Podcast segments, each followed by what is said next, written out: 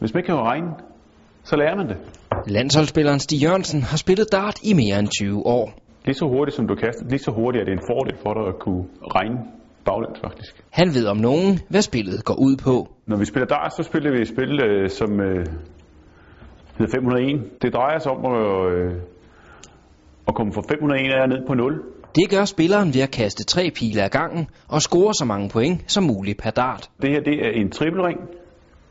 Den giver tre gange det tal, der står herude, og den der, den tæller dobbelt.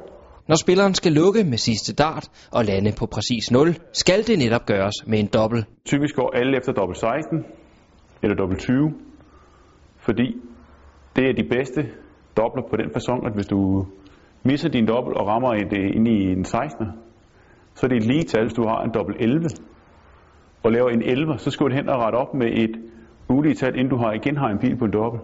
501, det kan være overstået på ja, to minutter. Især hvis du laver den bedste version af 501, kaldet en nidart. En perfekt 501, det, det gøres ved at lave øh, 8 triple og en double. 7 triple øh, 20 for eksempel, og en triple 19 og en dobbelt 12. Det giver 501. Har du lavet en øh, ni dart nogensinde? Nej, det har jeg ikke. Jeg har lavet en 10. Jeg har haft en, der havde siddet sådan her på at ramme dobbelt 12. Sådan, så sådan der.